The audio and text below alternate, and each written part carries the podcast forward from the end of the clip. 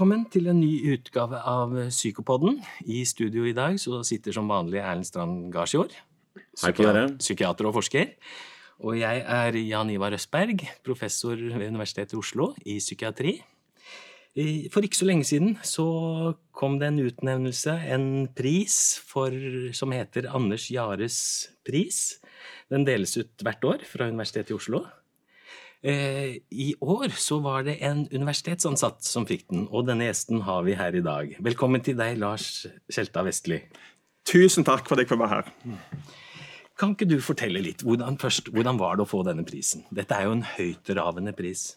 Men Det var veldig hyggelig å få, selvfølgelig få denne utmerkelsen her. Og det er veldig fint at vårt felt, som da handler veldig mye om psykisk helse, får mer oppmerksomhet. tenker jeg er viktig.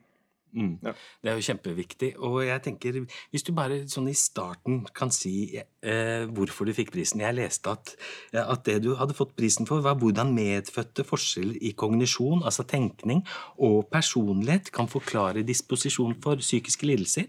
Hva, hva betyr dette her? Hva, hva, hva er ja, eh, den, den, begynnelsen var det ikke jeg som skrev. Eh, men vi forsker på noe av det som ofte blir beskrevet som det mest komplekse eh, som går an å forske på, nemlig hjernen. Vi prøver å forstå hvordan hjernen fungerer, hvordan den ser ut, og hvordan variasjon mellom personer i hjernens struktur og funksjon kan være med å forklare hvorfor noen folk for husker godt, eller hvorfor noen folk er veldig utadvendte eller litt mer glemske. Eksempel. Normal variasjon i hvordan folk, personer kan beskrives. Eh, ekstremvarianter av dette kan gi seg uttrykk som psykiske lidelser. Så Vi har også blitt veldig interessert i å forstå hvordan kan vi bruke våre metoder, som da særlig er avbildning av hjernen, eh, for å si noe om årsaker til psykisk lidelse, og f.eks.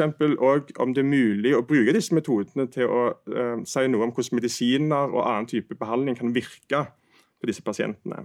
Det er foreløpig veldig tidlig i prosessen. der.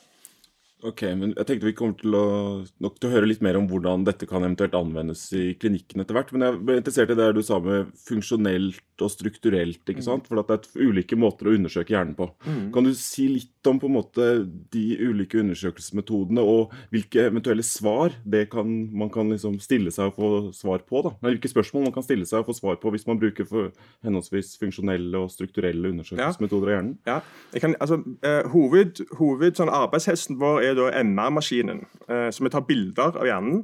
Eh, da kan vi med, store, stor pensel da, kan vi tenke oss at vi kan dele opp i det som er strukturelle og funksjonelle måter å avbilde hjernen på.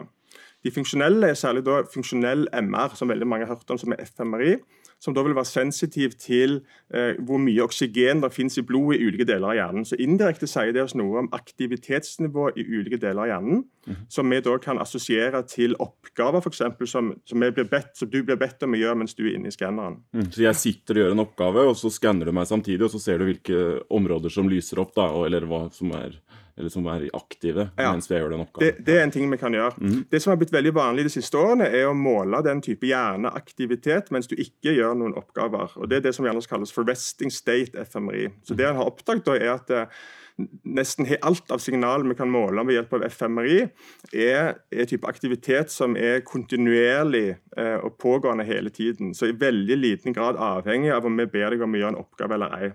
Nettopp. Mm. Jeg syns dette er spennende, men dette er jo ganske høytravende for meg. Jeg har ikke jobbet med dette her. Men jeg tenker sånn strukturelt MR, da ser du mer på strukturene og funksjonell på funksjonen i, i, ja. i hjernen.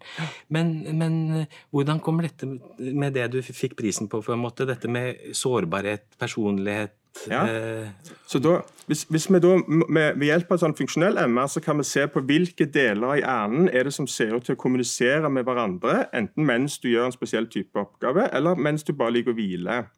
Og Det vi da har funnet ut, det er at eh, personlighetstrekk og tidlig sårbarhet for psykisk lidelse, f.eks. målt ved hjelp av genetisk risiko, ser ut til å være assosiert til visse um, eh, kommunikasjonstrekk i hjernen, som kan man kalle det, eller konnektivitet. Og dette da hos eh, Noen artikler vi har, vi har vist det òg hos um, unge, altså ungdom og barn, som foreløpig ikke har noen diagnose, eller noe sånt, men de har et økt symptomtrykk. De rapporterer flere psykiatriske symptomer enn sine uh, venner. Og Ved hjelp av å måle disse tingene tidlig så kan vi kanskje prøve å si noe om prediksjon senere i livet. Ok, Så ved at man har, man har laget en modell for sårbarhet, gjerne basert på genetiske mm. funn, da, og mm. så ser man at allerede tidlig, før man utvikler en psykisk lidelse, så kan man se strukturelle og funksjonelle endringer i hjernen. Ja, helt riktig. Okay. Ja. Og, og, man tror at det kan, som, som, på en måte peker i retning av at man, ja, den, den sårbarheten ses også både genetisk og mm. eh, på hjernenivå. Ja. Så Vi har gjort mange studier på pasienter, voksne pasienter med alvorlige psykiske lidelser, der vi i noen grad klarer å gjette basert på disse MR-dataene om de har en sykdom eller ei. Mm -hmm. Men vi tenker oss at noe av det mest viktige som vi kan bruke vår forskning til, vil være å gå inn før sykdommen eh, debuterer, for å prøve å si noe om hvem er det som har en økt risiko. Er det mulig å mm. bruke dette til å si noe om årsaker? Eh, så Derfor har vi nå i siste år blitt veldig interessert i å forske på barn og ungdom. Mm. Eh, og veldig interessert i å forske på barn og ungdom uten noen spesielle typer problemer, men i perioder av livet der vi vet at det er en økt sårbarhet. Mm. Du, du, nevnte du forsket en del på alvorlige psykiske mm. lidelser. Schizofreni, bipolare ja. lidelser. Forsker du på andre psykiske lidelser òg? Depresjon, angst, spiseforstyrrelser?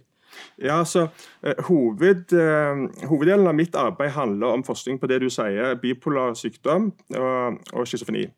Eh, det er knyttet opp til Nordmennsenter, som jeg jobber til. og det, det, er vårt største satsingsområde.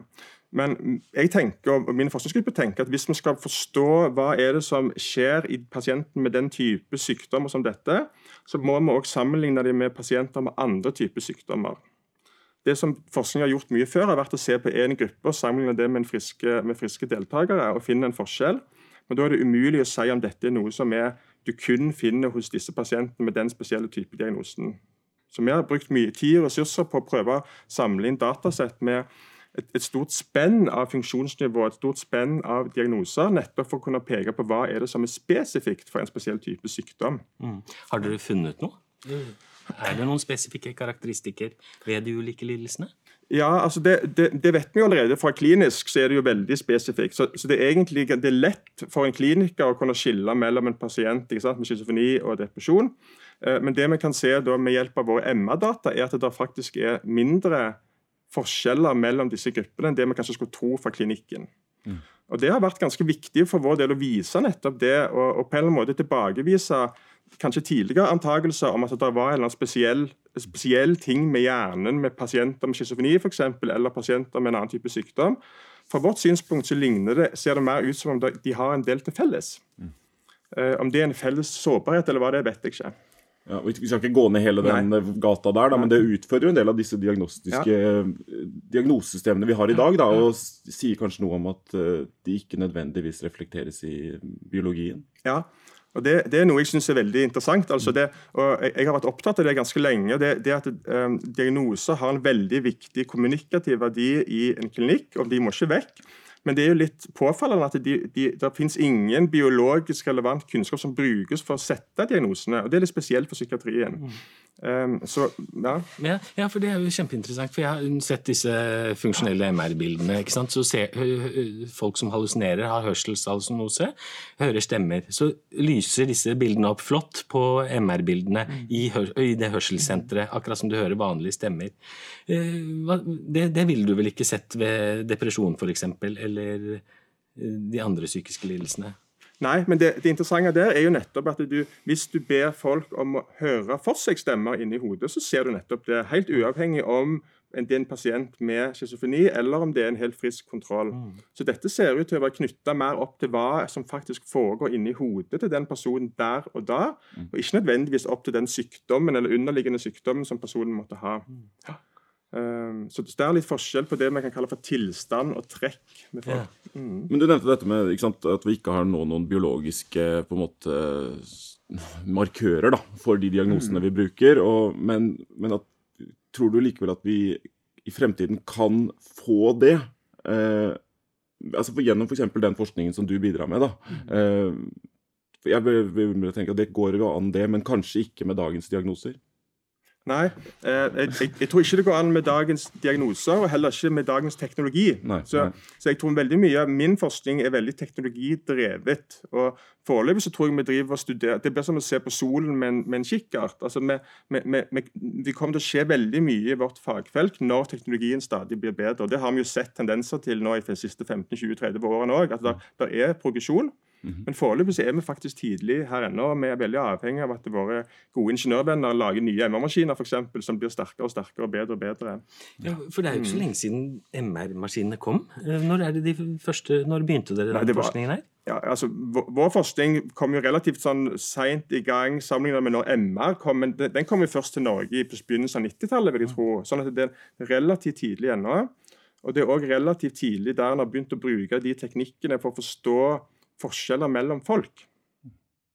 Altså det, er en, det er en sånn ny utfordring som har begynt å anvende teknikker som egentlig ikke var lagd for å gjøre det, um, for å prøve å forstå nettopp det. Så der er vi relativt tidlig ute. Så er det kanskje det at denne det at de, de altså teknologiske fremskrittene har også avslørt at det er mye mer komplisert enn vi kanskje har mm. eh, trodd. da. Eh, Ja. det, det, så det har på en måte åpnet en helt ny verden av eh, problemstillinger. Jeg vet ikke om du Ja, og jeg, jeg, jeg har vært veldig glad for å se at det ikke var noen enkle løsninger. på et vis. Altså, jeg, min bakgrunn er jo psykolog og er veldig opptatt av individuelle forskjeller i all slags mulige typer menneskelige funksjoner og sykdom. Og, og Det ville jo vært rart på et vis hvis det var noen enkle forklaringer for et MR-bilde som skulle forklare den kompleksiteten som det er å være et menneske. Um, så, så jeg er veldig tilfreds med at vi ikke har funnet noen sånne ting, for det ville det ville jeg ikke trodd på. Nei, det, det ville vært for enkelt. Dette, feltet er mye mer komplisert. Men jeg har lyst til å stille deg det du sa, og Erlend var jo også inne på dette med diagnoser. Vi, vi har ikke noen biologiske korrelater enda.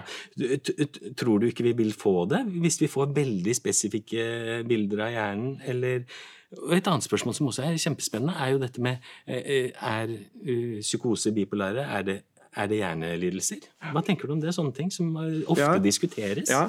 Um, Jeg, kan begynne med det siste spørsmålet først. Altså, eh, jeg, jeg har vansker for å se for meg noen menneskelige, komplekse funksjoner som ikke er knyttet til hjernen.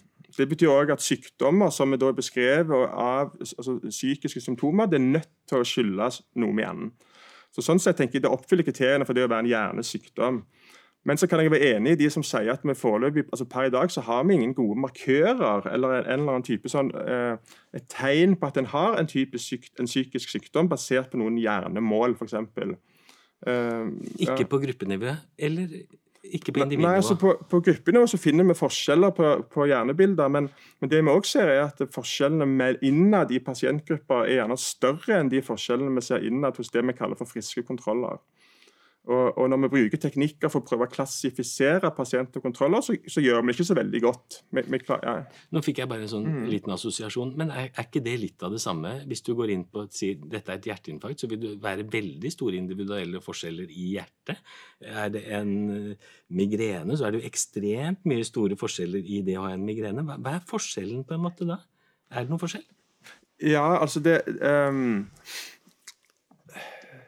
vi- kan foreløpig ikke se på et MR-bilde av hjernen eh, og bruke det til å sette en diagnose. Nei. Det er helt umulig. Det er viktig. Ja. Mm. Ja.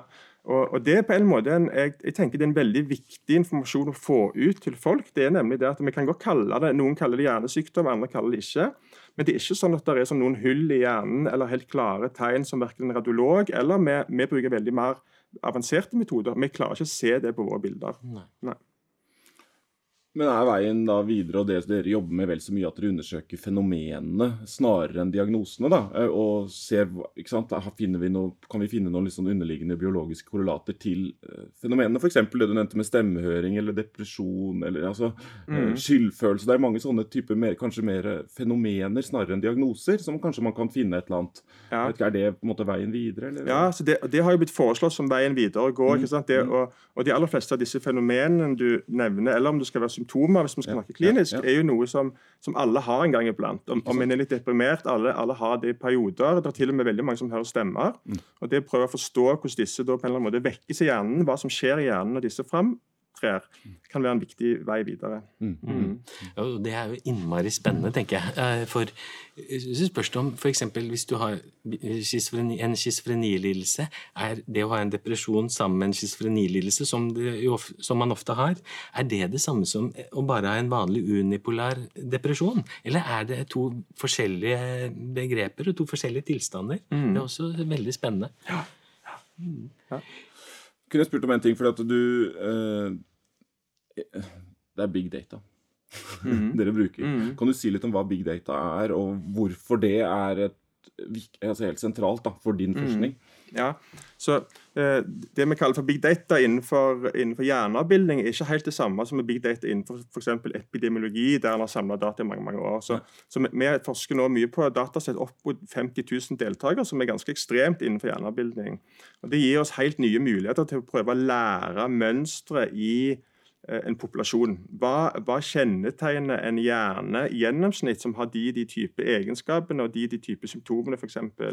Og så kan vi bruke de mønstrene til å lage modeller for å prøve å forstå normalvariasjon. Mm, og så kan mm. vi bruke de modellene på mindre grupper for å si noe om hvor godt passer denne deltakeren, denne pasientens hjerne, til de de mønstrene som vi har lært for store datasett. Og Det har fungert rimelig greit. Men 50 000 med det, hvordan får dere til det? Ja, altså Dette er òg en del av en sånn revolusjon innenfor flere forskningsfelt, men, men der en har i større grad nå deler data i mye større grad enn det en har gjort før. Og Det er òg en del viktige eh, organisasjoner som til, tildeler penger til forskning, som ikke gjør det uten at du òg deler data med hvem som helst. Så for I England så er det et svært eh, eh prosjekt som heter UK Biobank, der en skal gjøre hjerneskanning av over 100 000 deltakere som blir tilgjengelig i løpet av et par år, og alt vil bli gjort fritt tilgjengelig. Okay, så, så, alle forskningsgrupper rundt omkring i verden kan egentlig ja. i prinsippet bruke de dataene? Ja. Og Dette fører jo til en, på en måte en konkurranse med hvem kommer først ut med de beste spørsmålene, men det gjør det òg mulig å etterprøve all slags mulige Eh, funn som blir rapportert tidlig i litteraturen særlig. Og Det mm. har vi gjort litt òg, og det er ekstremt nyttig og veldig viktig for feltet. Mm. Mm. Det er utrolig spennende. Både sånn forskningsetisk tenker jeg at alt, alt av forskningsdata deles. Men eh, big data, Erlend, jeg tenker neste spørsmål der hvordan disse 50 000 kan på en måte gå ned på individnivå. Ja, det er det, da. Altså, hvorfor er det hvordan, Jeg står nå og titta litt på det der. det er jo foregriper kanskje begivenhetene neste torsdag, da, for du skal jo si noe om det da, fra mm. big data to the individual mm. eh, på den eh, forelesningen du skal holde i forbindelse ja. med prisutdelingen. Og for hvor et, et, eksempel, for eksempel, hvordan vi kan, det, det jeg prøvde å si i stad, var at vi kan ved hjelp av de store datasettene så kan vi lære oss noe om en normal distribusjon normal, i en normal populasjon. Hva kjennetegner en frisk hjerne, hva kjennetegner en syk hjerne osv. Mm. Eh, en ting vi har gjort, er for å bruke disse store dataene for å trene opp modeller for å gjette hvor gamle folk er. Eh, og Da kan vi ved hjelp av disse 50 000 dataene ha en, vel, en, modell som fungerer ekstremt godt. og Bruker vi alt vi har tilgjengelig av MA-data, så kan vi gjette om en person er for 20 år eller 75 med nøyaktighet på et par år. Mm -hmm. Og så kan vi, Når vi har denne modellen, så kan vi gå inn til nye datasett. og Det kan, trenger bare være én pasient, som vi har for Ullevål f.eks. Så kan vi bruke den modellen for å si noe om at hei, denne personen har hjemme meg en hjernealder som er f.eks. fem år eldre enn det vi vil forvente, mm. eller fem år yngre. Mm. Og Det har vi sett er ganske sånn, eh, det henger tett sammen med ulike typer sykdommer. sånn at folk med de sykdommene vi er interessert i, psykiske lidelser, men òg nevrologiske sykdommer, har en økt hjernealder sammenlignet med det eh, vi vil forvente. Og Det vi så da faktisk var litt tilbake til spørsmålet om dette med om psykiske lidelser er hjernesykdommer. så var det, Hvis vi rangerer de sykdommene vi studerte i, med tanke på hvem er det som har mest forhøyet hjernealder, så var det da demens, ikke så veldig overraskende, og så var det multippel sklerose, og så var det schizofreni. Mm. Og Alle disse hadde ganske betydelig økt hjernealder enn sine friske kontrollpersoner. Mm. Og det vi husker på, at Til og med her så er det stor variasjon. Mm. Det er veldig viktig, men på gruppenivå. Ja. Mm. Hvis du skulle vært kritisk, da. Mm. og Det er liksom en del av eh, forskerutdanningen. Ja. er jo liksom det å være kritisk både til andres og egne funn. da. Hvis du skulle vært kritisk til liksom din egen forskning, hva ville du fremhevet da? Um, kritikken må kanskje handle om at vi fremdeles ikke er i stand til å predikere særlig godt på individnivå. Og, og så er jeg usikker på om det er en kritikk som handler om forskningen, eller om det er mer en kritikk som handler om at vi har ikke bedre metoder per i dag. Og sannsynligvis er det sånn at vi må i, større grad ta i bruk eh, flere typer metoder for å øke prediksjonsverdien. Mm. For er det sånn at Vi ser at hvis vi inkluderer informasjon om genetikk sammen med hjerneavbildingsdata, så øker vi forklaringsverdien eh, noe. Mm. Ikke veldig mye, men noe. Mm. Så kan vi tenke oss at vi skal inkludere informasjon for fra, fra eh, blodprøver eh, osv. Kognitive tester osv. Der vi kanskje kan i større, få et bedre og mer helhetlig bilde av den enkelte person. Så det vil være helt eh, avgjørende. Mm. Um, det, det, er viktig for meg å, å si at foreløpig så har vi ikke eh, resultater som gjør at, vi, at jeg ville tatt, tatt det i bruk i en klinisk hverdag. Uh, og Det er på en måte en positiv ting, for det sier at det, det er ikke, disse sykdommene er ikke assosiert med enkle biologiske markører i det hele tatt. Jeg har aldri sett noen som er det Mm. uh, innenfor dette feltet. Og, og så Det åpner fremdeles opp for en veldig interessant kompleksitet i altså, det vi jobber med. Mm. Det er vanskelig. Mm. Ja. Og at det, men du tenker likevel at den, det dere driver med nå, kan eh, legge, altså legge veien for eventuelt fremtidige hva skal man si, også at, altså mer sånn klinikknær bruk av dette da, i fremtiden. Det, det vil være en veldig positiv konsekvens hvis det lar seg gjøre. Mm. Eh, jeg tror Mye av den forskningen vi gjør, vil også ha, gi viktig informasjon om f.eks. Eh, normal hjerneutvikling i perioder av livet hvor vi vet at det er en økt sårbarhet for psykisk lidelse. Vi skal i gang med et stort prosjekt nå om barn, barndom og ungdomstiden. og Der vi skal følge barn og ungdom over tid. Og Veldig få, og kanskje ingen av de vil utvikle noen psykisk sykdom, Nei. men vi vil kunne se på hvilke endringer hjernen foregår i disse fasene, som er knytta til veldig store endringer i sosialt liv, veldig store endringer eksempel i hormonbalanse i kroppen og veldig mange andre ting. Det er jo interessant, for da, da blir iallfall jeg sittende og tenke på folkehelseperspektivet også, da, som er kanskje vel så viktig som denne, all denne Vi er jo veldig opptatt av liksom individrettet behandling, men de, ofte de mest effektive tiltakene er jo på folkehelsenivå. Eh, Så det er jo eh, Ja, det hørtes veldig spennende ut. Ja. Og hvordan forebygge på Ja, folkehelsenivå. ja, det det. Ja, for, fordi du nevnte jo den, eh, litt av den kritikken med den litt sånn Fortsett med litt sånn kritisk tankegang. Vi er jo forskere. Ja, ja. har jo vært at det er sprøytet inn vanvittig mange milliarder Mm. kroner på genetikk, på MR og sånne ting. Og så har behandlingsmessig så har de ikke hatt så mye å si ennå. Har du noen tanker om det? Sånn, Nei, det, det, jeg tror det er helt riktig. Ja. Eh, jeg, jeg tror jo at mye av den bruken, altså pengebruken som er brukt på genetikk, jeg, jeg tror jeg, jeg mener den har ført til ny kunnskap. Og, og mye av pengebruken som er brukt på MR, har også ført til mye kunnskap. Men det viktigste der har kanskje vært å avvise en del teorier om at det er klare trekk i hjernen knytta til sykdommene.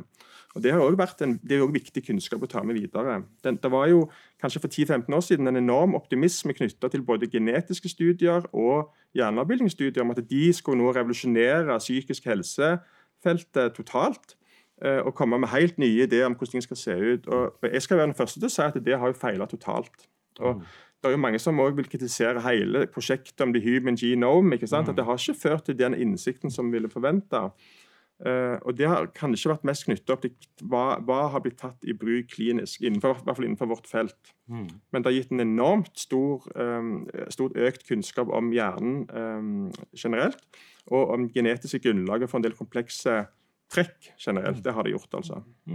Ja, for jeg har lyst, lyst, lyst, litt lyst til å se, høre med deg også, hvordan du tenker altså, generelt med all den forskningserfaringen du har, alle publikasjonene og alle prosjektene du driver med, Lars.